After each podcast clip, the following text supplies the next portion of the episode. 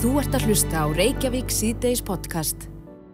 Þegar ég opnaði Facebook í morgun þá blasti við mér færsla frá slökkuliðan á höfbruksæðinu. Já. En það er greint frá því að sjúkraflutningamæður hafi farið í tvær heimafæringar hjá sömu móður Mm fyrst árið 2017 og núna aftur um síðustu helgi. Já, já. Þetta hlut að vera, já líkurnar eru ekki miklar að sami einstaklingurinn fari í, í sko, heimafæringu tvisa fyrir hjá sömu móðunni. En þetta er magnað og, og gaman að- að heyra svona sögur. En þessi maður sem reyndar er bráðatekni hjá slökkulegin á höfbrukarstæðinni er á lífinni, Guðmundur Guðnarsson, kom til þess. Komið alveg. Já, þetta er nokkuð mögnum saga. Getur þú sagt okkur aðeins hvað átti þessi staðan? Já, við náttúrulega fáum reglulega eh, tilkynningar um, um hérna mæður sem eru að fara á stæðfæðingu og við reynum náttúrulega í flestum tilfellum að flytja þeirra á spítala. En þegar að móðir segir okkur að fallið sé að koma, þá vitum við nokkuð þegar hvað er að fara að gera. Og stundu gerir það að fæða heimi á sér eða á leiðin á sjúkrós. En það er aðeins sérstækt í þessu tilfelli að ég hafi verið viðstættur í, í bæði þessu tilfelli þegar þessi móðir eftir í því að eiga heima. Áttaður við á því strax að, að þetta var um sömu manneskja ræðu. Nei, ég áttaði mikið aðeins fyrir að ég var búin að kynna mig og þá hérna ég voru norðaði hvort að það geti ekki verið að ég hef tekið á móti hinu passinu. Já, já. Þá horfði ég svona aðeins á hann og segi, jú herri, ég er mann vel eftir því. Já, þannig að hún þekkti þig. Hún þekkti mig, já. Akkurat, já, ég held að maður þekk, munar það eftir fólkinu sem tekur á móti börnum hans. Já, En, en hversu algengt er þetta, Guðmundur, að, að þið séð í þeirri stöðu að taka á móti barni? Þetta eru svona í kringu 15-20 tilfelli á ári. Ég er með nákvæmlega tölfræði við það akkurat, en, en þetta er svona, já, þessi 15-20 tilfelli á ári. Fáið þið þjálfin í þessu? Já, það er náttúrulega bara hluti af okkar þjálfur sem sjúkvæðingamenn og bráðategnar og þá er farið í gegnum að taka á móti og, og bregðast við og það sem að hefur breyst eins og núna síðust árin og er mjög jáka þróun er að, að það eru ljósmaður sem að sérhafa sig í heimafæðum og, og mæður sem velja að vera heima og, eiga börnir sín heima og þær eru á bakvöld og þannig að við höfum gott bakland af þeim og það hún komin, já, fyrir ekki. Hún var ekki komin, á staðin í þessu tilfelli en þegar við sjáum að, að við erum að fara að taka á móti í heimahúsi þá ræsum við þær alltaf til og þá eru þær komnar yfirleitt á svona 15-20 mínútur Mm. og, og þá í rauninu kostunum við það er að þá þarf móður og barn ekkert endilega að fara á sjúkrós þetta er þetta bara hægt að klára það sem ljósmóður gerir að, skoða barn og móður og, og gera allt klárt fyrir þess að barni getur bara verið heima og það er náttúrulega þægilegast fyrir alla Var barnið komið í heiminn þegar að ljósmóðurinn mætti á svæði? Já, já. Þetta, og, móðurinn átti bara nokkur mínútur eftir að vilja það minnum húðina. Já, já. Það gekk bara mjög hratt. Já. En þetta er auðvitað, sko, ég brosi bara hringið þegar ég heyri svona sögu vegna þess að, að, að fæðing barns er bara magn, magnaðar hlutur, þið mögnuð upplifum fyrir bæðið það sem eru viðstættir og, og konuna sjálfa. En er þetta svona eitt af, já, má segja að því skemmtilegasta sem ég gerist? Ég mér finnst að vera forréttind að fá að hérna, vera þáttakandi í þessu með fjölskyldum. Það er bara, þetta er gleðistund fyrir alla og, og hérna, bara gaman þegar það gengur vel og þessi litla stúlka hérna brást mjög vel. Það var mjög frísk þegar hún kom í heiminn og hraust. Mm. Það var mjög barnið kemur í heiminn, en hvað gerir svo? Flýtið þið svo móður og barn á sjúkrós eða, eða var hún bara eftir heima? En hún var bara eftir heima og, og hérna fekk bara að það aðstóð sem það þurfti frá ljósmaður og, og við skildum svo bara fjölskyldan heima. Engin fluttur á staðin. Það hljóma frekar vel. Gott að geta bara fara að fíla sig í sína eigin rúmi eftir, eftir átökjum. Já, Akkurat.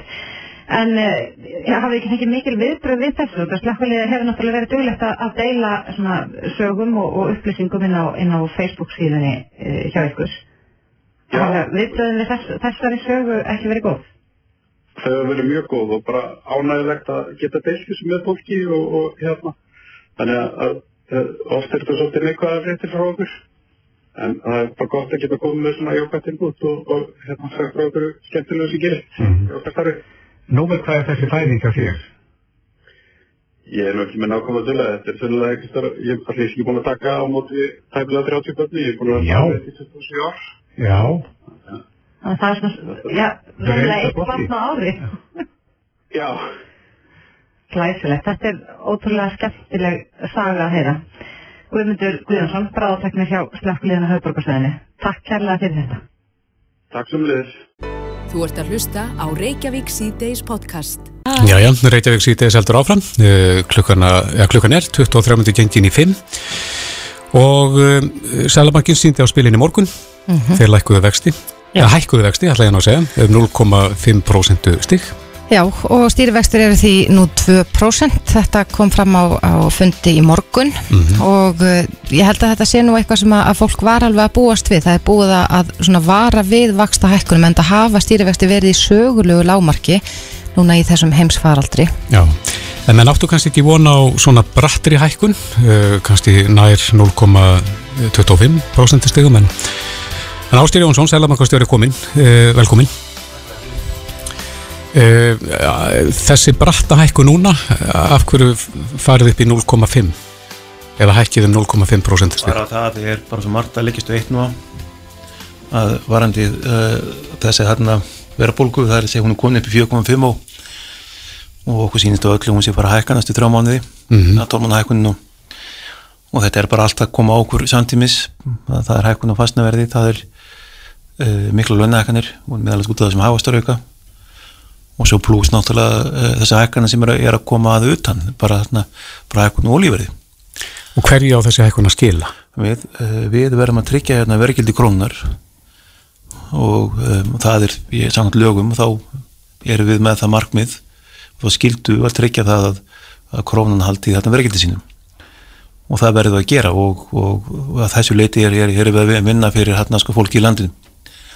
Þó, þó að okkar meðul séu ekki endilega þægileg sko og um, þannig við erum þá búist til því að við séum að ná, ná tökum á þessu.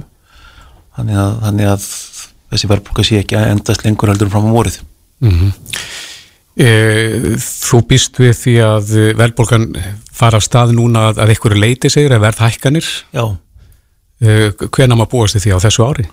Nei, sko það núna, e, núna eru um, núna eru bara með það að það eru núna að, að, að komin í verðlagi annars vegar hækkunum ólíverði og, og svona ráurum og við sjáum líka það að það bara er vöru skortur og sem vörum Mm -hmm. erfitt að fá vöru til landsins það sem að þekki þeir sem hafa reynd að panta eitthvað og það skapar alltaf freystingu fyrir veslanir þá að bara hækka verðið eitthvað Mhm.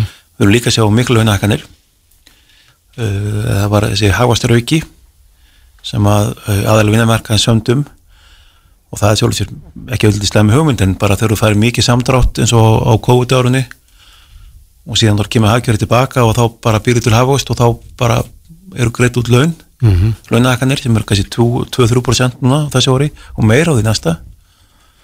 Og það er ánægis að skilur við, skilur við erum enn, enn samt ekki búin að ná okkur eftir, eftir COVID. Framlæslan er á lagri stað heldur en maður var áður.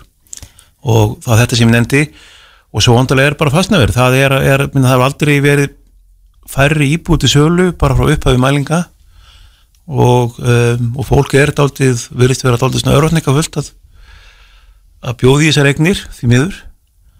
Og þetta er alltaf að þrýstis upp. Þannig að þannig við verðum að bregðast við. Og 2% er ekki endilega hávegstir þannig við, við þarna, verðum að, að, að, bregðast við þessu. Og, þetta er alveg ekki Sælabanki Íslands er ekki einn í þessu það eru er allir Sælabankar heimsins núna að, að fara að huga þessu.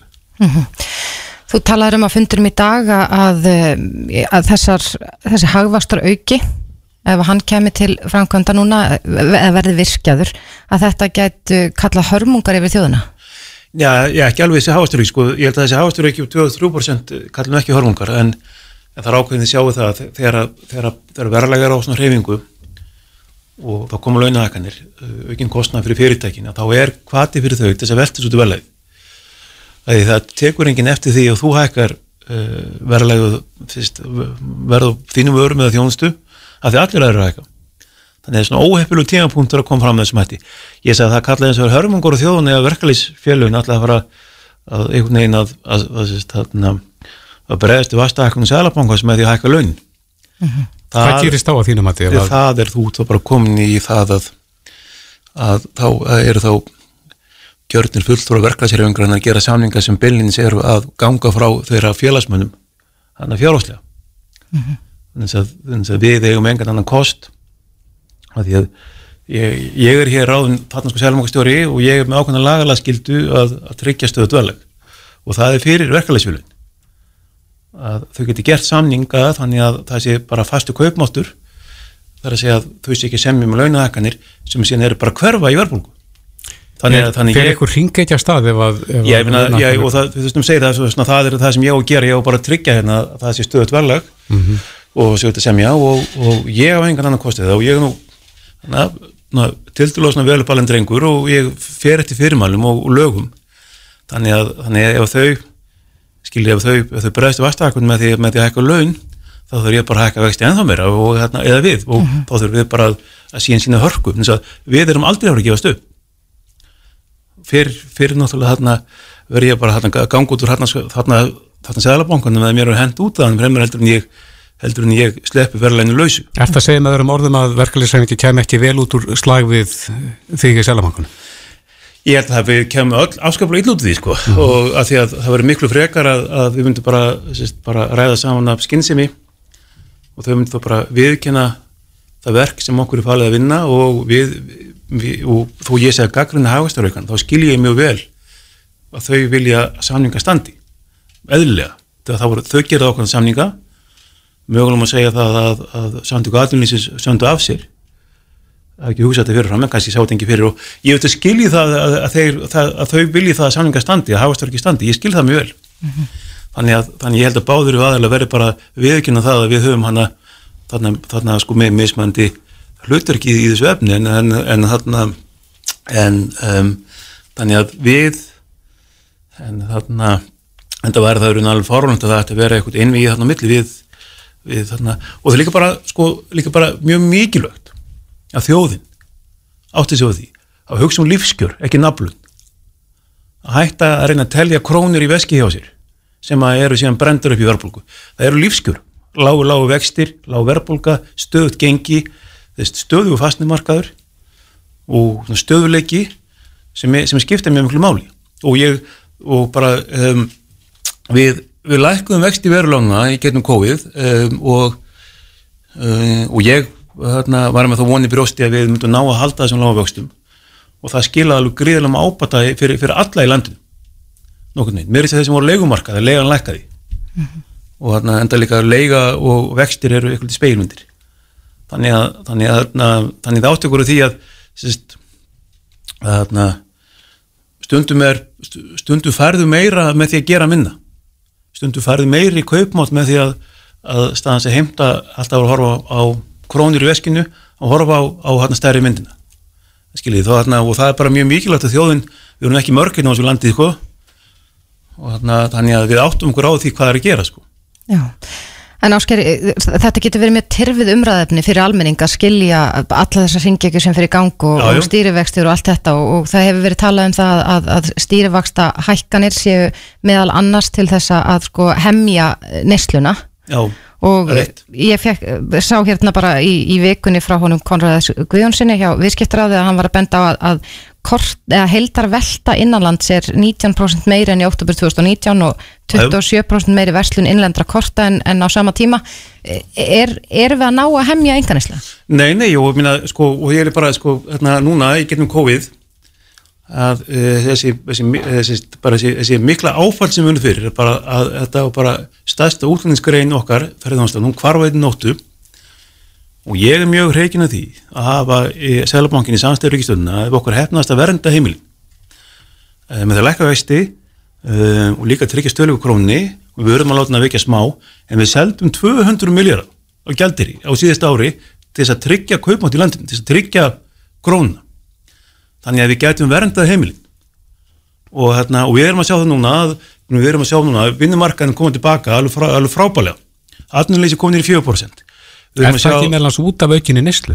það er út á aukinn neyslu og við, og, og við vildum auka neyslun á þessum tíma af því að það sem við plani í okkur var það bregðast við uh, þarna uh, minkuna ferðið með, því að- með því að fá uh, Íslendinga til þess að eigða þessum 200 miljóðum sem þeir eittu ellendis, eigða þeim inn í landinu og kaupa hluti og það er bara hefnast frábælega um, En er komið nóg núna? Já, sko, við þurfum aðeins að fara að hægja á þessu.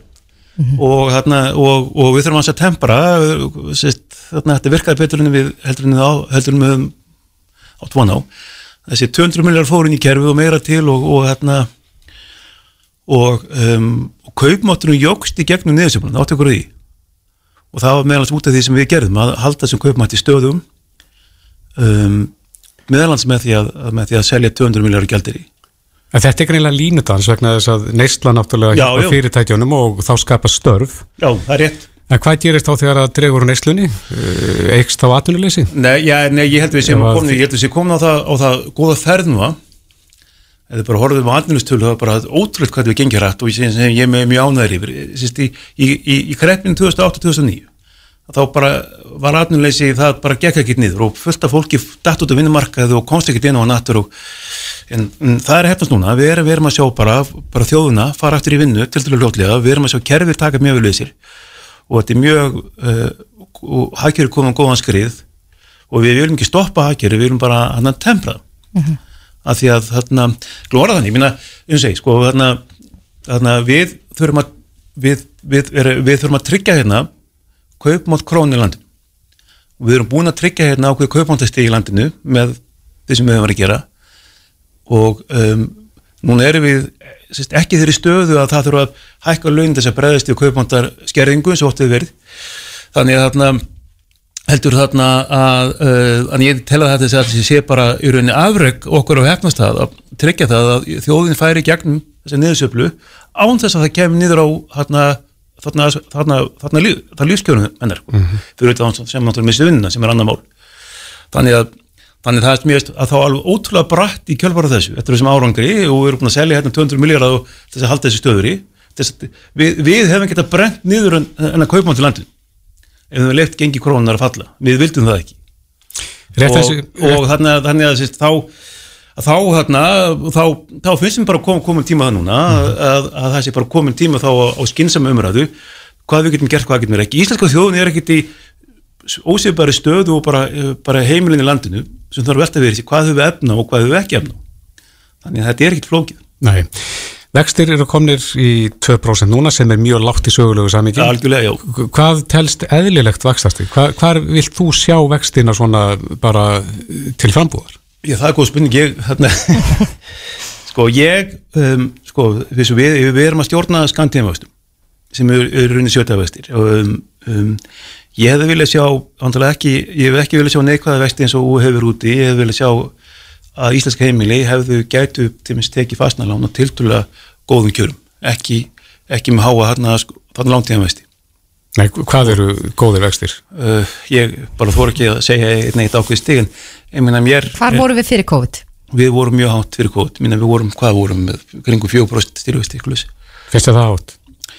um, það er uh, alveg vel hátt, já og um, og það við, var það ekki lágt í sögulegu samingi líka? ég, það var látt í sjóli samingi líka. Ég um, og þannig að um, ég svo sem var að vona, vona það að við værum bara komin niður á og bara lægri langtíðamesti við gætum séð eitthvað litið sambarlega vexti við það sem þekkist elendis og vorum á, á góður leið þannig. En þá þurfum við sko til þess að við getum fengið um, sömum vext á elendis að þá, þá, þá, þá þarf þá þarf þjóðin að hefða sem sama hætt eins og elenda þjóður með það að við áttum okkur því að við getum ekki bara ákveð okkur eigin launastig.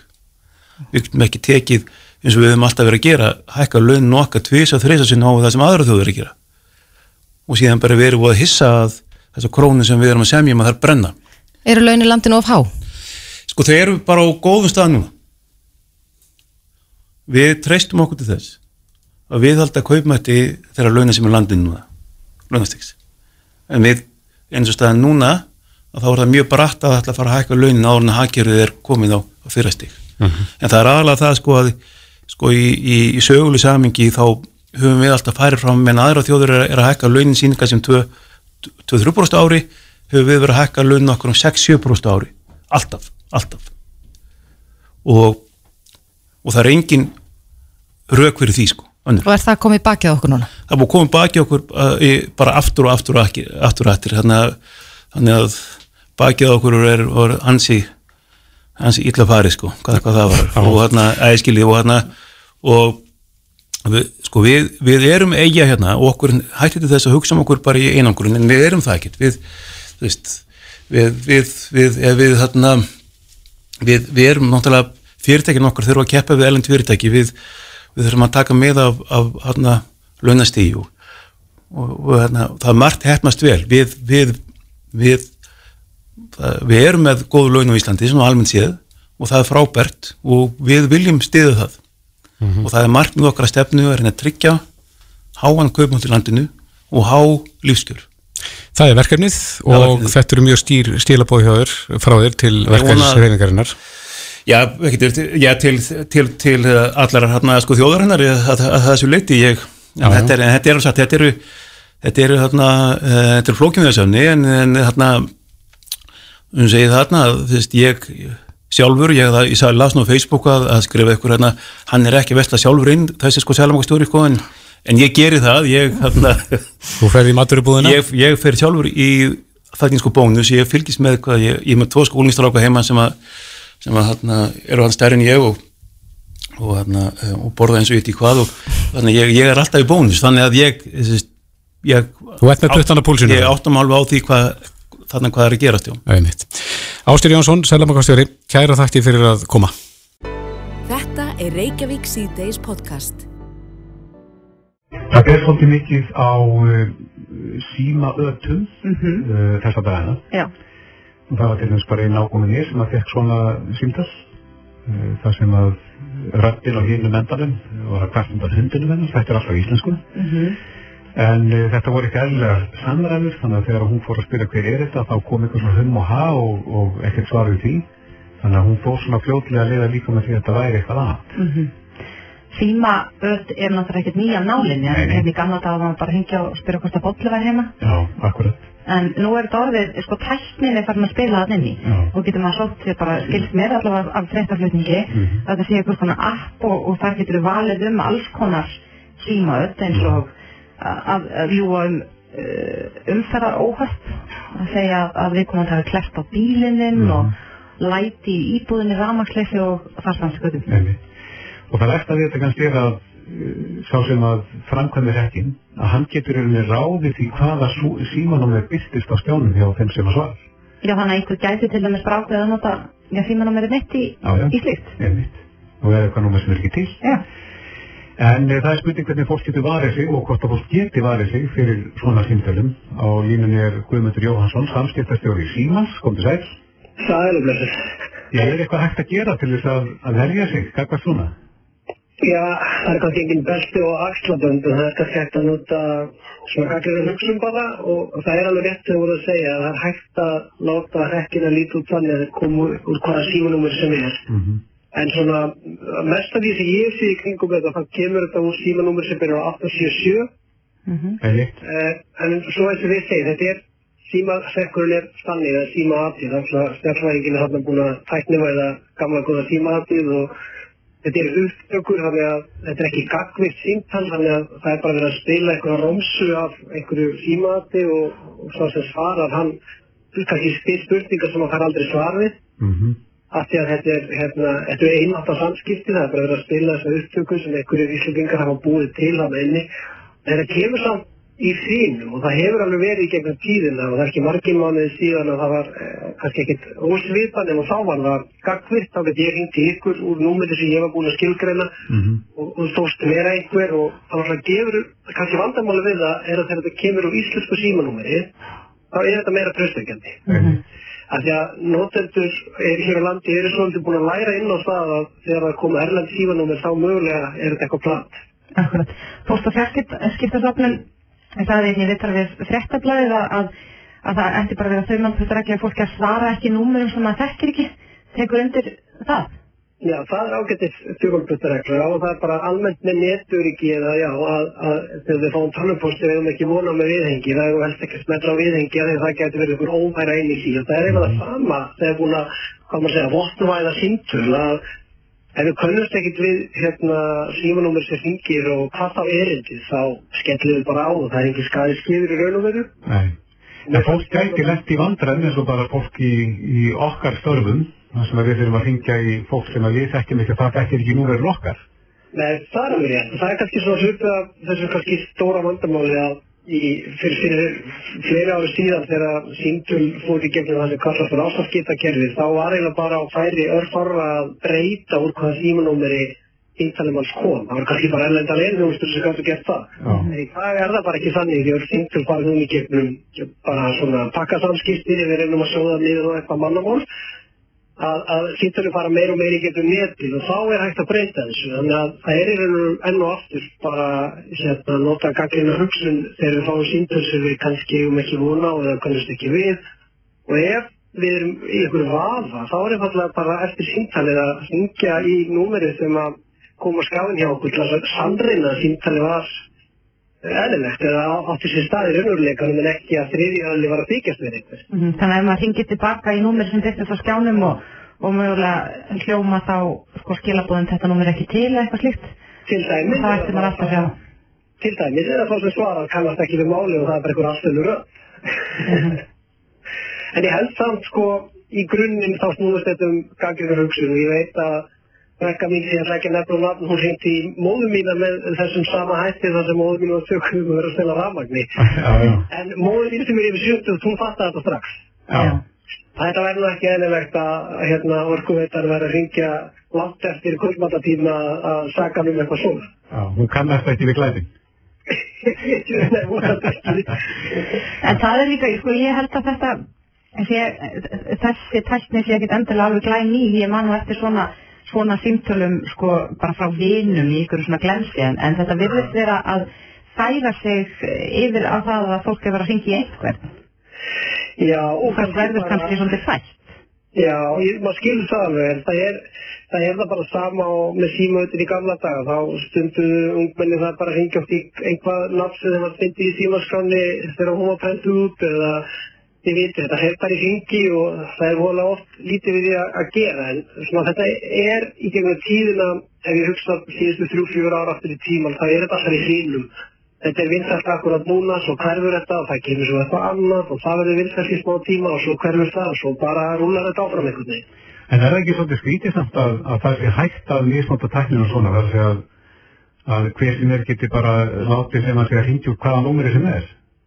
Jú, sko, ef að símtjölu er rétt sett upp þá er þetta ekki hægt, en það er, fólk getur fengið að því að símtjölur í dag komið svo mikið yfir netið, þá getur fólk keitt sér eða þriðjali gefið mér aðgang að símstöðum sem eru uppsettar einhver staðar í heiminum, það sé ekki sagt vera hvaða númer sem er og það er raunverulega erfitt að elstast við það. Þetta er, þetta er erlend þjónusta sem að fólk er að nota. Já, svo þetta eru þá erlendar stímkjara þjóðlustur sem að fólk notast við og oftast er það þannig að þetta kostar nú eitthvað. Notandinn kannski sem gerir síma allir borgar ekki en hann aftur móti síðan kannski er fulla auðlýsingum og þannig fær sá sem á og rekur síma allir einhverja peningar sem að reka þetta og kemur erfist út í pluss. En það er, eins og ég segi, því miður er mjög erfitt að stoppa þetta og þess vegna er gott að því séu að fjalla um þetta og, og, og fólk það móti þarf eiginlega bara að nota smá gaggrinu hugsun. Hafa ykkar viðskiptavinnir já, verið í sambandi við ykkur út af þessu? Já, við fengið nokkur símtum varandi þetta og ég veit Lörðsson hefur verið að vara við þessu, Orkuveitan hefur verið að vara við þessu af því að þau koma fyrir hann í einu símaðatinu. Ég held að fólk sé margt en eitt kannski finnst þetta skrítið og viljið þá kannski taka allan, af sér allan grunn að þetta sé ekki, ekki alvöru, heldur þetta sé glatt en ég hef maður hugsa samt sko einhvern af þessu grín, grínum vilja gæsa að það geta kannski verið líka svolítið rætin og þá er það kannski þá sem að e, setur síma þetta á stað, kannski bara hugsa sig í gang. Einmitt. Guðmundur Jóhansson, samstýrtastjóri Símans, kæra þakki fyrir þetta. Takk fyrir mig. Reykjavík síðdeis á Bilginni podcast. En á vísi.is er að finna grein eh, sem að ber fyrir sögnuna fyrir sjáanleg stínsemi Mhm. en það er Tómas Guðbjörnsson, uh, læknir, sem að skrifa þessa grein. Akkurat, þarna er hann að vísa til þess að- eh, í gegnum þennan faraldur, þennan heimsfaraldur, hefur, hefur ítrekka verið kallað eftir einhvers konar fyrirsjánuleika. Og uh, já, þarna er hann svolítið að nýta í ráþera, tvo ráþera, þarna dómsmálaráþera og, og atvinnuvega og nýsköpunar ráþera, sem hafa kallað eftir afléttingum eh, að allar COVID-takmarkanir eruðu afnumdar hér á landi. En eh, í raun og veru þakkar hann fyrir að við höfum ekki gert það vegna þess að ástandi á spítalunum er virkilega slæmt. Já, það var gert, það, er að segja, það, það var aflétt öllum takmörkunum hér innanlands. Að gott sem. Gott sem, einmitt. En Tómas er á línu, kom til sæl. Já, sæl. Já, hvað gengur þið til með því að skrifa þessa grein? Já, ég ætla nú, mér reyndar ekkert sérstaklega að tjá mig frekar. Ég skrifa hérna grein í síðustu viku sem að komast að ágættur umræður reyndar hérna flagskip með skrú í netinu og, og ég var mjög ánægð svona með viðbröðum með henni og umræðina til þess að Silfri Egils síðastlega sunnuta og í fleiri meðlum en En svona ég, ég hef náttúrulega verið hérna í, í, mikið á öktum myndi vinnunni og er svona eins og ég segi hérna inn á Facebook hjá mér í auga stormsins. Ég hérna er með mína sjúklinga bara við hliðin á COVID-herbygginu hérna við Ringbröð og, og við erum sem sagt, ég náði nú að fá að gera eina aðgerð í, í gæðir, hjarta aðgerð þar sem að sjúklingur sem er búin að býða ítrekkað eftir því að komast í hjartaakjörn með mikið lenginu og vera að fljúa utan að landi ítrekkað þess að koma í akjörna og hún verið blásina á mótni og, og hérna bara hvað þetta er svona rosalega upplifin fyrir þess þannig svona sjúklingar svo þennan og ætningina líka. Mm -hmm. en, en ekki síður heldur fyrir okkur starfsfólki hvað þetta er svona óviðinlandi en þetta auðvitað snýst ekki um okkur starfsfólki nummer eitt, það, það er náttúrulega fyrst og fremst sjúklingarnir og þessi þjónusta sem við erum að bjóða upp á og ég veit alveg að fólk er orðið þreytt á þessu ástandi og vill frelsi. Það viljum við líka og ég líka. Ég menna ég er mikill tónlistar áhuga maður og mjög mikið að vinum í tónlistagerum og ég veit að þetta verður algjör katastrófa fyrir þá þessi faraldur. En fólk verður líka að setja sig í spór þessar sjúklinga sem að þurfa hana björgunabáð sem við erum og eins og ég orðaði hann í greininni sína mannúð og skilning og hérna, ég ætla að taka það fram að ég hef ekkert persónulega á móti hvorki áslögu eða, eða þórtísi, mér finnst það mjög flottar stjórnmála konur og, og ég hef sagt á ofinbella að mér finnst það ég fagnir því að, að konur svona hérna rí, rísi upp í íslenski pólitík En mér finnst það aðeins að tekið rángan póli höfðina og fleiri, þetta snýst ekki bara um unga konur, þetta er fleiri stjórnmálamenn, bæði menn og karlar að þess geta ekki einhvern veginn skilið ástandi hérna innan ús. Mm -hmm. Og ég en, Thomas, er að hvetja þau til að koma ynga og kynna sér þetta og mér finnst það ábyrðalust að ráð þeirra, ég skil alveg skoðanaskipti, en mér finnst það ábyrðalust að ráð þeirra að þeir komi með svona skilabóð út í þjóðfélagið á sama tíma og annar áþyrra, helbyrðisáðara í stjórninni er að reyna að, að, að læja öldurnar og, og, og, og hjálpa okkur hérna. Já, en er ekki alveg eðlilegt að þegar ástandið er gott eins og það var orðið hér og það var bara tölvert lítið um smitt er þá ekki alveg eðlilegt þegar að margt annað er í húfi efnahægu landsins og allt það, það menn þurfa að líta svona í mörg hótt, er ekki alveg eðlilegt að menn kalli eftir afletningum? Jú, það er alveg góð punktur í aður en ástandi var bara ekki svona gott eins og, og afalátið og, og ég menna það var alltaf verið að horfa til Norregs og Danmarkur en maður viss alveg að þetta var að matlaðan undir og við hérna inn á spítalanum við sjáum þetta alveg nokkrum dögum jábel viku áður en að stóri skellurinn kemur við byrjum að sjá þetta fólk komin á göngudeldina hérna og, og hérna síðan kemur það inn á smittsjúdómadeldina og síðan kemur það inn á gjörgjörsluna mm -hmm.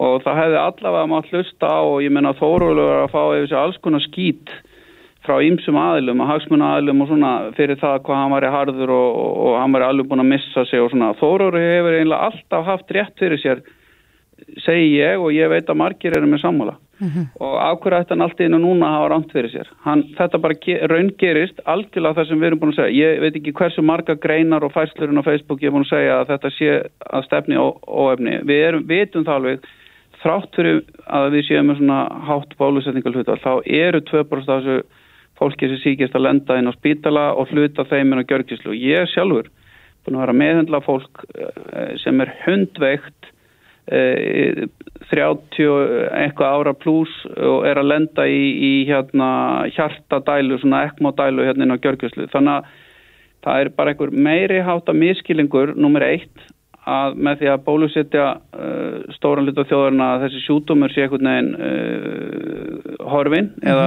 eða lítið vandamál og nummið tvö að fólk veikist ekki illa og það séu bara þeir sem séu óbólusetti sem veikist illa. Já.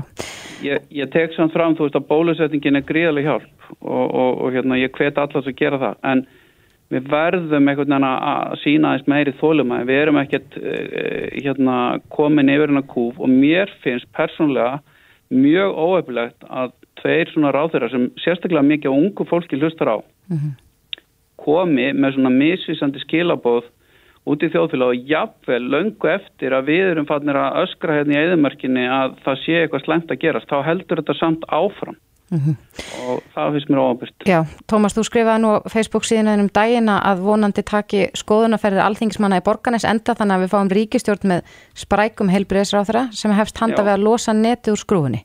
Skrúfu sem annars losnar alveg. Er ástandið graf alvarlegt? Það er mjög alvarlegt. Og ég bara, get bara sagt það hérna, ég er alltaf, ég minna ég fæ það, það er skrifu grein í mokkan í morgun á Ólabinni sem að er, er frábær penni að, að þú veist að það sé læknar að öskra ástandu upp og þetta sé þeirra einn hékomi, það er ekki kannski bara ég en það er svona að vera að senda okkur pílu en ég bara vísa þessu á bög og, og hérna ég er ekki ekki ég er í mjög góður aðstöðu hérna til þess að meta ástandið hérna innan hús og veit bara hvað þetta er mikilvægt eins og fyrir mína skjólstæðinga. Ég er algjörlega háður gjörgjæslinni fyrir hjartasjúklinga sem þurfa að opna hjartagerð og það er algjörlega óasættalegt í þjóðfélagi eins og okkar árið 2021 að við til dæmis eigum bara að loka þeirri sjoppu og keira þjóðfélagi á fullt. Ég meina allir sem eiga einhvern ættingja eða náinn aðstandenda eða vinnufélaga sem þarf svona ekki, þeir auðvitað geta sett sér í spór viðkomandi. Og við verðum að sína svona mannúð og skilning. Og auðvitað þurfum við að styrkja kerfið þannig að við séum betur í stakkbúin en við erum það ekki en nota bene Danir, Normenn, ég var að koma frá Danmark og Noregi núna bara fyrir nokkrum döðum síðan. Það er alltaf rökka í sama gýr þar og hér. Takmarkanir, koronapassi, allt þetta. Og Þískaland, sjáu ég hvað er að gerast í Þískalandi. Hérna, gjörgjæsluna þar eru algjörlega stút fullar og vitið hvað er vandamáli þar? Það er það að, að, að starfsfólkið á gjörgjæslunum þar er svo útkert. Það er uppsagnir og þeir eru samt með sko margfald fleiri gjörgjæslurum per 100.000 við en þeir eru samt í vandræðin og hollendingar eru einlega að loka bara alveg á allt í þrjár vikur. Þannig að ég menna ákverju er, er frelsi einstaklingsins svona óbúrslega mikilvægur á Íslandi en í þessum löndum? Er, þau eru bara aðeins og undan okkur. Við verðum að sína svona meiri ég held að mörguleiti sé þessi svona óvisa með fyrirsjáðanleikan eða svona óskynnsalögu fyrirsjáðanleiki bara meira vandamál heldur en vandamáli sjálft. Og það er alltaf verið að setja í fram og aftur sko, fólk veit ekki hvernig það á að hefða sér. En, en hérna ég held eins og það er góðu fyrir hérna að séu þar að við náum þetta fyrir þetta á endanum. Uh, ég veit ekki hversu marga bylgi við þurfum við viðbót en það kemst einhver tíman á eitthvað hjarðanami og þessi veira vonandi missir kraftin sem hann er í núna en, en þessi deltavírus er alveg bara skelvilegur. Mm -hmm. Hugsa ykkur ef við hefðum ekki bólusetningarna núna þá, þá væri við bara í, í djúpun skýti og hún er svo miklu meira smittandi og, og, og hérna, fer svo illa með þá sem veikjast, jáfnvel ungt fólk og það hef ég bara sjálfur séð hérna með eigin augum. Fer, fer veiran verð með þá sem eru óbólusettir? Já, já, það vitum við og það er mjög skýr dæmi um það bæði hér á Íslandi en við vitum þá er ellendur rannsóknum það, það er svona talað um að hún hindri jafnvel svona síkingu í 50% stilöka og alveg veikind í 90% stilöka mm. En Tómas, við erum búin að vera í þessum dansi núna í hátt í tvö ár hefur staðan inn á spítalanum ekkert breyst á þessum tíma, það er nú lengi búið að kalla eftir úrbótum þar en, en er staðan eins eða verri? Nei, ég myndi ekki kannski segja hún sé alveg eins en ef ég á að vera alveg hreinskilinn og, og, og þá finnst mér hún að hafa breyst allt og lítill. Það er allt og mikil svona róluháttur í því hvernig hefur verið bröðust við þessu eh, af þeim sem fara með heilbyrjusmál í landinu og hérna innan hús líka og ég veit Mhm. alveg að þeir sem að fara með stjórn spítalans er, þeirra hendur eru bundnar, þetta hefur verið rosalega erfitt. Já. Við erum hreinlega í þeirra aðstöðu núna að, að þó okkur langi til þess að ráða fólk þá er bara engin að sækja um. Nei, en... Það er fullt af hjókurunafræðingum með gjörgjæslumentun, margra ára gjörgjæslumentun sem vinna í öðrum störfum út í bæ af því að það eru ósattur í launakjörun hérna innan hús og vinnuðastöðuna. Bindur þú mikla voni við nýjan helbriðsáþra? Já, ég gerir það. En forstjóra landsbytala, núna er verið að ráða nýjan forstjóra viku líka? Já, já, mér fannst hérna Pál mjög sprækur og, og, og hérna gerði marga góða hluti en þetta eru þetta bara ofrendar ástand þegar að hérna, til dæmis að, að sá sem fer með helbreyðismálin, hann, hann er algjörlega háður þeim sem fer með fjárveitingavaldi og, og það er alveg klárt að, að svona þessi díalóg með þess að tveikja ráþur var ekki að fungera hérna á síðasta kjörtíðanbili og, og hérna ég segi þess að í minni grein í síðustu viku, nú er bara komið nóga að þessu ruggli, við þurfum að hafa einhverja heldastefni helbreyðismálum eh, ekki til fjárara, heldur til margra ára og það verður að vera þjóðasátt og, og ef að þarf þá ákveður ekki neyðastjórnir við spítalan þar sem að menn bara setjast niður og segja heyrðu, við viljum ekki hafa þetta svona við viljum hérna, núna komum við skikka á þessu máli eitt skipti fyrir öll Já, og, Við- og hérna, ég held að allir vilji það veist, að, að ástandi batni akkurat. Við býðum öll spennt eftir nýjum helbriðsra sem mögulega tekur þessum málum föstum tökum. Tómas Guðbjörnsson, hjarta og lúnaskurleiknir, takk kærlega fyrir þetta. og takk kærlega fyrir Reykjavík síðdeis á Bilginni podcast.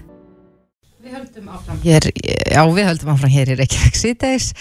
Um, eh, í gær lagði borgarfulltrúi sjálfstæðisflokksins Ragnhildur Alda Marja Viljámsdóttir til að nýtt neyðaratkvæð fyrir heimilslis og konur verði sett á lakirnar í Reykjavíkuborg. Já, til í byrjun að þörf fyrir það. Já, nú er farið að kólna og uh, ja, það er ljóst að það er hópur þarna úti sem þarf á, á þessari aðstofa að halda. Og þarna tala hann aðeins um sko, tímabundi neyðaratkvar sem var reikið í skipholti vegna heimsfaraldursins. Og það hefði gefið mjög góða raun og það var svona í formi eh, herbergja fyrir einstaklinga. En hún tala líka um að það vanti úrræði fyrir konur. Og hún segir í aðsendri grein í morgunblæði í gær uh, að hún í raun og veru óttist að meiri hlutin í borginni muni vísa málinn til velferðaráðs og að þá sé hætt á því að máli verði bara svæft en hinga til okkar er komin Heiða Björg Hilmisdóttir formaður velferðaráðs, kom til sæl Sælblessið. Já, þetta er uh, gömul sáni. Það er ákveðin hópur hérna í borginni sem að, þarf á slíku húsaskjóli halda. uh, eru konur út undan? Hún talar um að það sé nú þegar reikin neðarskili fyrir karlmenn en ekkert fyrir konur. Já, það er ákveðin miskilningur í því þar sem við rekum vissulega konukott og stöndum ströym af þeim kostnæði sem að hlýsta þeim rekstri og erum að fara að gefa í þar. Eh, Þetta er semst úræðið fyrir svona neyðar hérna, atkvar fyrir konur. Heimilislösa það. heimilislýsa konur og, e, og erum búin að setja núna mitt í fjárhagsáallun sem var kynnt um daginn sérst, að 50 miljónur á næsta ári og svo áframhaldandi þar sem við ættum að fara að breyta því úrræði og, og styrkja. Þar sem að, að við lærðum heilmikið á þessu, sko, þessu gisti heimili sem við legðum og, og var í rauninni sóttvarnarhótel í sjálfur sér á vegum uh, ríkisins fyrir heimilisleisar konur sem að var bara virkilega þart og gott og reiki fyrir fyrir frá ríkinu og, og hérna, við lærðum heilmikið af því um rekstri og, og því skil ég vel að mörgu finnist að við eigum bara að halda því áfram en við komumst líka að því að, að sá rekstur kannski er ekkit endilega sá besti þannig að hérna Þannig ég sjá mér rauninni fyrir okkur núna að það gæti mögulega að vera einhvers konar millibill þar sem að væri herbyggi en, en markmið okkar varandi heimilslýsi er alltaf að bjóða fólki varanlega búseti. Hvað er þetta stór hópur sem að er heimilislaus, það er að segja konur? Svona Hvað á... er töl á því? Já, við höfum það nefnilega nokkuð, nokkuð vel í Reykjavíkuborg og, og Reykjavík hefur auðvitað bara verið í fórustu í því að, að þjónusta þannan hóp og einhvern veginn reyna að kalla fram upplýsingar um hann. Og núna til dæmis í neðaskili okkar e, í september og oktober hafa komið samtals 27 konur, þar gist auðvitað ekki allar nætur en það er það er samtals 27 konur hafa komið. Og sama tími fyrra voru þetta 34 konur sem að kannski einkennist að því að, við erum búin að vera útluta mjög mikið núna, við erum búin að útluta yfir 60 manns eh, húsnæði núna á þessu kjörtumubili, það Varanlegu varanlegu húsnæði, húsnæði sem er í rauninu okkar svona fyrsta og helsta áhersla vegna þess að þessi hugmyndafræði sem við tókum inn í, í, í stefnu núna, þessi housing first, húsnæði fyrst, gengur í raun út af það að þú þurfur eiga heima einhvers þar til að geta tekið á vandanum þínum. Og þú tekur ekki droslega mikið á vandanum þínum þú ert í neðarskili og ert, þú veist, átt hvergi heima. Er þessi hópur að megninu til í neyslu? Sko að mörg, margar þeirra eru það en, en eitt af því sem við höfum einmitt gert núna, við, við höfum, við buðum út rekstur á konukoti, fengum þanga til okkar rótina sem skila mjög gagnrýni skýslu til okkur um daginn og sem að skoðar aðeins betur hva, hvaða konur eru þetta, hvaða hérna, áskorunir eru það að gleyma við. Og við hefum líka verið í samstarfi háskólan og, og landsbytalan og, og hérna, rauðakrossin með það, greina þetta. Og það, þar, það er mjög mikilvægt að horfa á heimilsleysi með þessum kynja glerugum því að konundnar eru kannski í heildina um 100, getum sagt það eh, en karlanir í heildina um 200 sem eru svona í og úr heimilsleysi þannig að þetta eru svona einhverju 300 manna hópur og helmingi fleiri kallar en konundnar eru, þeirra vandi er oft, eh, já, 50, að tala um að 50% er að voru fyrir óbyldi æsku Það eru fjóru svona líklegri til þess að hafa orði fyrir óbyldi í nánum samböndum. Margar þeir eru heimilisleisar af því að það hafa verið beittar miklu óbyldi í, nánum samböndum. Uh, 70% er að hafa brátt samkvæmt þessum rannsóknum erfið æsku og, og einhver áföll. Þannig að það virðist vera sem að þessi meiri orsakir þess að konurnar eru heimilisleisar séu þessi áföll meira heldur en sko að výmefna Næsland sé kannski meiri deyfing og, og þær þurfi meiri sko hjálp við að vinna úr áföllum og ofbeldi, mögulega heldur en kallanir. Mm -hmm. En borgarfulltrú sjálfstæðisflokksins talar þarna um velferðaráð að ef að þessu verður vísað þangað inn að, að þá sé það jafngilt í að svæfa málið. Mm -hmm. Er það lenskana að, að mál degi í nefnd? Nei, sannlega ekki og hún einmitt tók saman hérna, svona, hérna tölfræði um það hvað verður um tillegur sem eru vísaðu borgastjórn til velferðar og þar kom fram að, að 42% af þeim hafa verið samþektar og mér stáðan bara nokkuð gott sko. Þannig að ég vitna bara í hana með það og, og hérna og hinn 58% eru þá ímest vísa inn í einhverja vinnu sem er í gangi og það er kannski eins og það sem við erum með núna varðandi heimilslisa, þetta hefur verið áherslu atriði hjá okkur núna, okkur finnst bara ótækt fyrir samfélag að, að bara horfast ekki auðvið það, hér er fólk sem ákveður ekki heima og við höfum bara lagt mikla ásla það að mæta þessum hóp og, og þessi tillaga er bara góða gild og fer bara inn í þá skoðun sem er í rauninni í gangi á sviðinu, hvernig getur við mætt þessum konum, því að það er engum vísa út, það fá allir rými í neðaskilunum, en við erum líka horfast auðvið það að það er heimilislist fólk sem að, já, einhverju lita vegna kemur ekki inn í neðaskilun okkar og við þurfum líka að leita því hvað getur við gert, þannig að það að fjölga neðarýmum ef að fólki að núti er kannski ekki endilega að byggjum þá þjónustu, myndi ekkit kannski endilega að leysa þann vanda. Mm -hmm. þannig að við fögnum öllum góðum tillögum og, og hérna tökum vel að móti þeim og þarf fara að sjálfsögðu í skoðun. Uh, og ég vonast til þess að við einhvern veginn fáum kannski bara út úr þeirri skoðun allir saman bestu tillögu um það hvernig við getum mætt þessum hóp, því ég held að það sé greiðilega mikilvægt fyrir samfélagið að við, við mætum þessum konum og þeirra þörfum og, og helst á einhvern veginn finnum leiði til þess að koma þeim í þjónustu og helst í varanlega búsitu þar sem þar geta þá tekist á því þá sinn vandar sem að er alltaf einhver þú mm -hmm. ert heimilisleust það er mjög sjálfgæft að einhver velji það. Þó það sé auðvitað til þá er það algjör undantekninga einhver velji það bara að, að, hérna, að vil ekki borga rekninga sko. þetta er sérstu vilt ekki með það. En svo talar um að, að þá eru auðvitað hluti af þessum konum og, og eflust líka hluti af, af þeim körlum sem eru heimilslausir í borginni glíma við výmöfnavanda Þú varst nú náðan á, á velferðarsfundi ekki satt og mm. þar voru það að ræða neyslurími Já, við vorum að, það var svo gleðilegt að við vorum að ná samningi við heilbreyðsrænandið um það að opna fyrsta neyslurími á Íslandi. Og það er kannski ennin gáttin sem við vonumst til þess að geta þá að konur mögulega og karlar kannski komið þanga sem er ekkit endilega að koma í, í, í hérna, okkar, neyslu, ne, okkar, okkar neyðarými mm -hmm. eða í okkar þjónustu eða, eða hérna, hjá frú Ragnæði sem að Rauðkrossin hefur auðvitað rekið hér slíka svona þjónustu þar sem við dreifa nálum og búnaði eh, ég er mjög spennt fyrir þessu þetta eru í rauninni Er þetta umdilt eða? Já já, það er allt umdelt sem að tengist nótkun výmöfni. Mm -hmm. En hvernig, hérna, hvernig mun svona neyslir í mig vera? Við, þessi niðurstað sem við komist að núna til þess að geta gert þetta rætt og vel og þetta reynir bara helst bara í, í byrju næsta árs, þetta var nú eftir að fara fyrir borgaraðin og ég ger ekki ráð fyrir öðruna en þau samtækja þetta sem þetta er í sáttmála meira hlutans og við viljum þetta mm -hmm. uh, þá er þetta, verður þetta gamall bíl sem að frú Ragnir var með og keirði um uh, borgina. Þetta verður í rauninni bara sett upp neyslur í mig þar, það verður frekar takmarkaðar opnatími og fólk mun geta óska eftir því að fá það þarna að koma og, og fá ráðgjöf og, og hjálp og stuðning. og að neyta efna.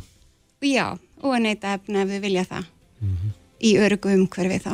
Snýst þetta þá um að, að sko bæta öryggi þeirra sem að eru í neyslu? Það snýst allt um það og þarna eru við alltaf að reyna að minka skadan sem að fólk veldur auðvitað fyrst og fremst sjálfur sér með því að nota vímöfni. Það er mjög skadilegt hilsu fólks að nota vímöfni.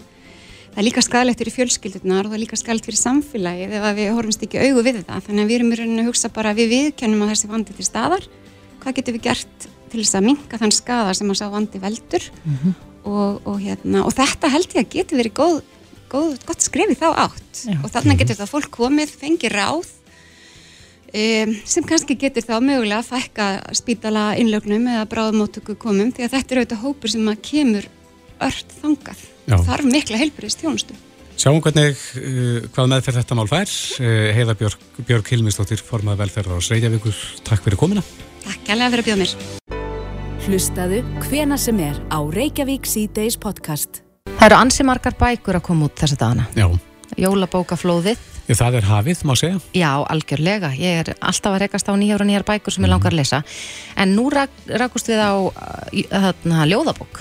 Sem er ekki komin út reyndar. Nei, en eh, mér skilst að hún sé ekki komin út. En þetta er í raun og veru bók sem að maður, uh, annafni Baldvin Viggosson, skrifaði. Þetta eru ljóð sem hann skrifaði og meðan hann var á lífi. En Baldvin, eh, hann glimti við krabbamenn í áratögi en lést 10. september síðastlinn og þetta voru, þetta var svona eiginlega hans hinsta ósk skilst mér að, að gefa ljóðin sín út á bók. Já, og nú hefur ekki hans uh, ákveðið að láta þannan draum hans rætast. Og er að gefa út bókina sem að uh, heitir Ljós í myrkri. Og á línunni er Kristín Snoradóttir ekki að Baldvins, komdu sæl. Komið sæl. Já, þetta er, þetta er hansi mögnuð saga, magnað að heyra af, af manni sem að greinilega hafði eh, mikla hæfileika í, í að yrkja ljóð allavega af, af svona, þeim upplýsingum sem við höfum að dæma um, hvernig dattir þetta í hug? Uh, sko, Baldvin minn var ekki maður margra orða í lifandi lífi. Hann var svona hæglótur, ég kallaði hann oft þurs. En hérna, hann var óskaplega góð manneskja og hérna mjög, með mjög mikið jafnaði ekki. Hann átti auðveldara með að tjá sig við dýrin og tjáði sig með ljóðum. Og, og ég ger oft, oft grína því að ég er að finna svona miða hér og þar og allstað með alls konar ljóðum og tjáningum og svona.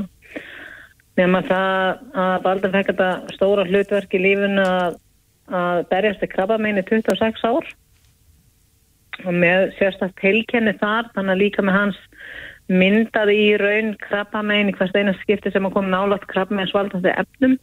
Já, já. og honum dreymdi alltaf um það að gefa út ljóðabók, honum langaði að gefa út ljóðu sín og hann var búinn að setja þetta allt upp í tölfunni alveg eins og hann vildi hafa það. Mhm.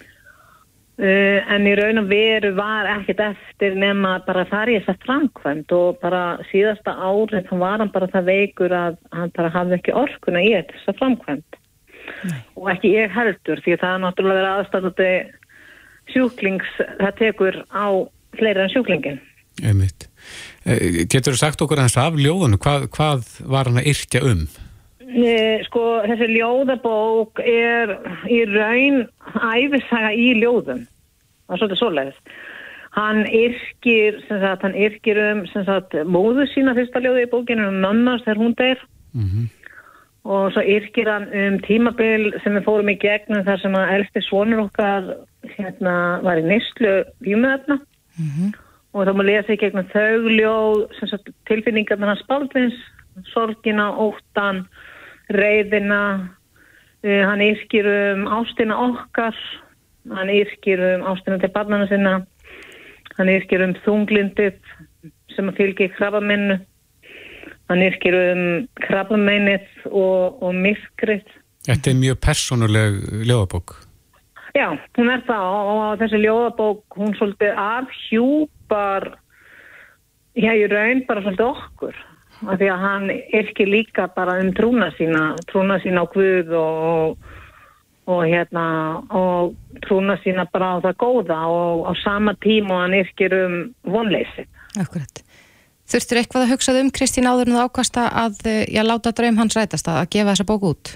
Mm, sko er það, þetta er eins og sem allt annað í lífinu að hérna þegar Baldvin deyr eftir mjög snögga baráttu 10. september að þetta eiginlega kom bara til minn í kirkjunni og ég segi bara við Guðrúnu Karls prest að hérna að ég ætla að gefa ljóðabókin út sem sé í tölvunni. Ég er ekki búin að skoða hana, ég veit ekki neitt, ég ætla bara að gefa hana út. Og hún bara tilkynir það í jarðaförni. Og það eru lesin þrjú ljóð upp í jarðaförni þar að meðal hérna, ljóði tveir úlvar sem er byrstil að Karlínum fund. Og hérna, og hún lesar tvö önnur, hann orti ljóð til mín sem að var fluttið við endur nýjum heitin 2019 og Gísli Magna samt er lag við það og söng það í jarðaförni og hérna og svo vill það bara þannig til að, að hérna, ég á vinkonu sem er grafísku miðlar og hún Guðni Sigurar og hún kom bara til minni erðurrykkin og sagði bara Stína hérna ég veit að ég á að gera þetta. Sem sagt hjálpa þér að gefa út bókinu eða setja hann upp í já, þannig að bara, þú veist, þetta er bara gerðust. Þetta er bara alltaf gerðust Þetta gerðist allt í jarðafara daginn, má segja. já, nei, ekki, það má ekki segja það gerðust alltaf í daginn. En Kristín, eh, þú ert að sapna fyrir útgáfu bókarinnar, ekki satt? Hvað segirðu? Þú ert að sapna fyrir útgáfu bókarinnar. Jú, við reyndum að stað hérna á söfnum inn á Karolínu Fund sem að ég mér langar nú bara að fá að nota tækifæri og, segja takk í byrni að því að það er búið að styrkja okkur rúmlega 100% en hérna ég þykka alveg meiri styrk en það er líka hægt að nálgast bókin að byrja í gegnum mig og hérna Er hún komin á prent, sem sagt? bókin er í prentun og ég er að segja ykkur það að mér hlakkar svo ótrúlega til að fá símtalið um það að hún sé klár Aha. og ég Já. vona að það verði þessari viku Já, en þetta er nokkuð mögnu saga 26 ár að berjast við krabba minn, þetta hlýtur að vera sjaldgeft Já, hann var með það heilkenni sem að hann var fyrst Íslendingur sem fannst með þetta heilkenni. Þetta heitir lífröð mínu og, og, kemur, er sem sagt litningagalli á, litningi T59 við mann rétt. Og hérna síðustu fjögur árin er hann á fjórðastí og þá er hann með frá þremur og uppi fimm tegundur af krabminum. Já. Og, og í lokin er hann náttúrulega bara undir lagður. Þannig Er- að já, baldin mínu var algjör hetja sko. Eh, Þú ert búin að vantilega lesa yfir öll ljóðinans? Ég, ég ég fengi ekki þessa spurningu af því að ég bara sendi þetta og ákvæmt það að, að ég er kvennmaður og, og við kvennmenn viljum vera stjórnsamar ég ákvæmt bara að senda þetta og sleppa tökunum þannig ég ætla ekki að lesa lögubókinu fyrir hún kemur út Já, þú ætlar ekki að fara að velja og hafna og... Nei, þetta Nei. var hans Mhm. og þetta var bara uppsett í tölvunni. Ég bara rétt rendi í gegn án þess að fara alveg yfir í raun og veru, þú veist, ég bara sá svona glimps, ég veit svona nokkuð hvað er í henni, en ég ákvaði að lesa ekki að því að ég bara veit það að þá hefði ég fara að hafa skoðanir og það var ekki mitt, það, það hann er að gefa þetta út. Þannig að þú býður bara mjög spennt eftir að geta lesið ljóðin. Þú getur rétt ímyndaði. Já. Við hvetjum fólk þess að, að eh, styrkja ykkur í söfnunni en þetta heitir hérna Karlína Fönd Ljóðabók Baldvins Vikkossonar Kristín Snoradóttir, takk kærlega fyrir þetta og gangi ykkur vel Herðu, takk kærlega fyrir þetta og bara eigið dásamlega dag. Sömulegis Þetta er Reykjavík C-Days podcast. Reykjavík síðdeis, uh, bólusetningar, þær eru í fullum gangi núna. Já, Kemur endar í gusum, það fyrir eftir hvernar fólk uh, var bólusett síðast, verða að líða sex mánuðir. já og við heyrðum í, í Frankværtastjóra hjúkurunar hjá Helsugæslan á höfborgarsvæðinu uh, í fyrradag og þá talaðum um að þetta væri já, væri bara mjög góð þáttaka Já. í þessari örfunar bólusetningu og maður sér það bara við auðvitað erum með útsýni hérna yfir lögardalinn og maður sér að það er búið að vera mikið eh, streymi af fólki þangað í dag Já. en ég held að þetta sé síðasti svona stóri dagurinn í byli Mhm. við erum að bólusetja þarna þrjá dag í viku og svo verður nú eitthvað opið fyrir þá sem að, geta stokkið þarna inn restina vikunni En við heyrum líka bólusetningar með stóð hjólum sem að stendur til að fara að vaka um bæinn. Já, þetta er, er nýlunda en uh, rannsókn eða gögn sem að heilsugjæsla höfuborgarsvæðarsins hefur ringt í benda til þess að þeir sem eru enn óbólusettir séu að stórum hluta yngri karlmenn og fólk með erlendar kennitölur og núna ætlar þessi bólusetningabill að stefna á framkvæmdasvæði og í kringluna svo eitthvað sé nefnt. Á línunni hjá okkur er Óskar Reykdalsson, forstjóri heilsugjæslunar á höfuborgarsvæðinu. Kom til sæl. Já, komið sæl. Já, hvers vegna teljið þið þörf fyrir að, að fara á hjól og, og keira um á bólusetja? Já, þetta er nú, þannig að við höfum fengið erindi frá ráðuneytinu að reyna að ná til þeirra sem eru óbólusettir, alveg. Þetta er fyrst og fremst hugsað fyrir þann hóp. Og hvert farið þið?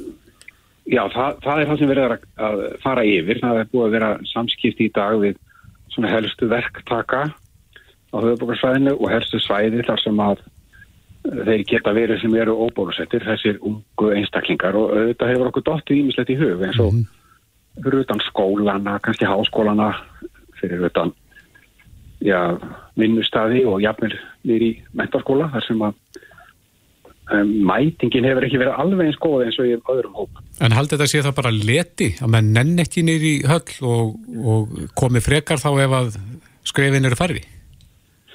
Já, það, það, það sýnir sér nú alveg í bólusetningum yfirleitt að ef maður einfaldar fólki verkið að þá mætir það frekar og það er svo mikilvægt að fá upp uh, að, að fá sem flesta í bólusetningu til þess að koma í fyrir að já, að þessi, þetta haldi endarast áfram hjá okkur ef að það er möguleik að hægja á því líka það sem allra mest. Akkurat.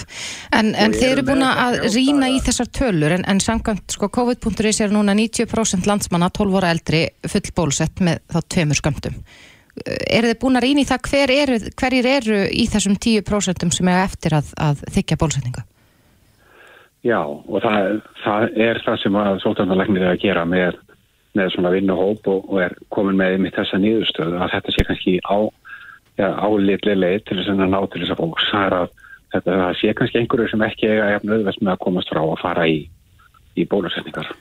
En eru, eru konurna sem sagt duglegri að láta bólusetta sig? Já, það verið þeirra. Það er einhver munur það ná. Er eitthvað hægt að greina hvers vegna það er?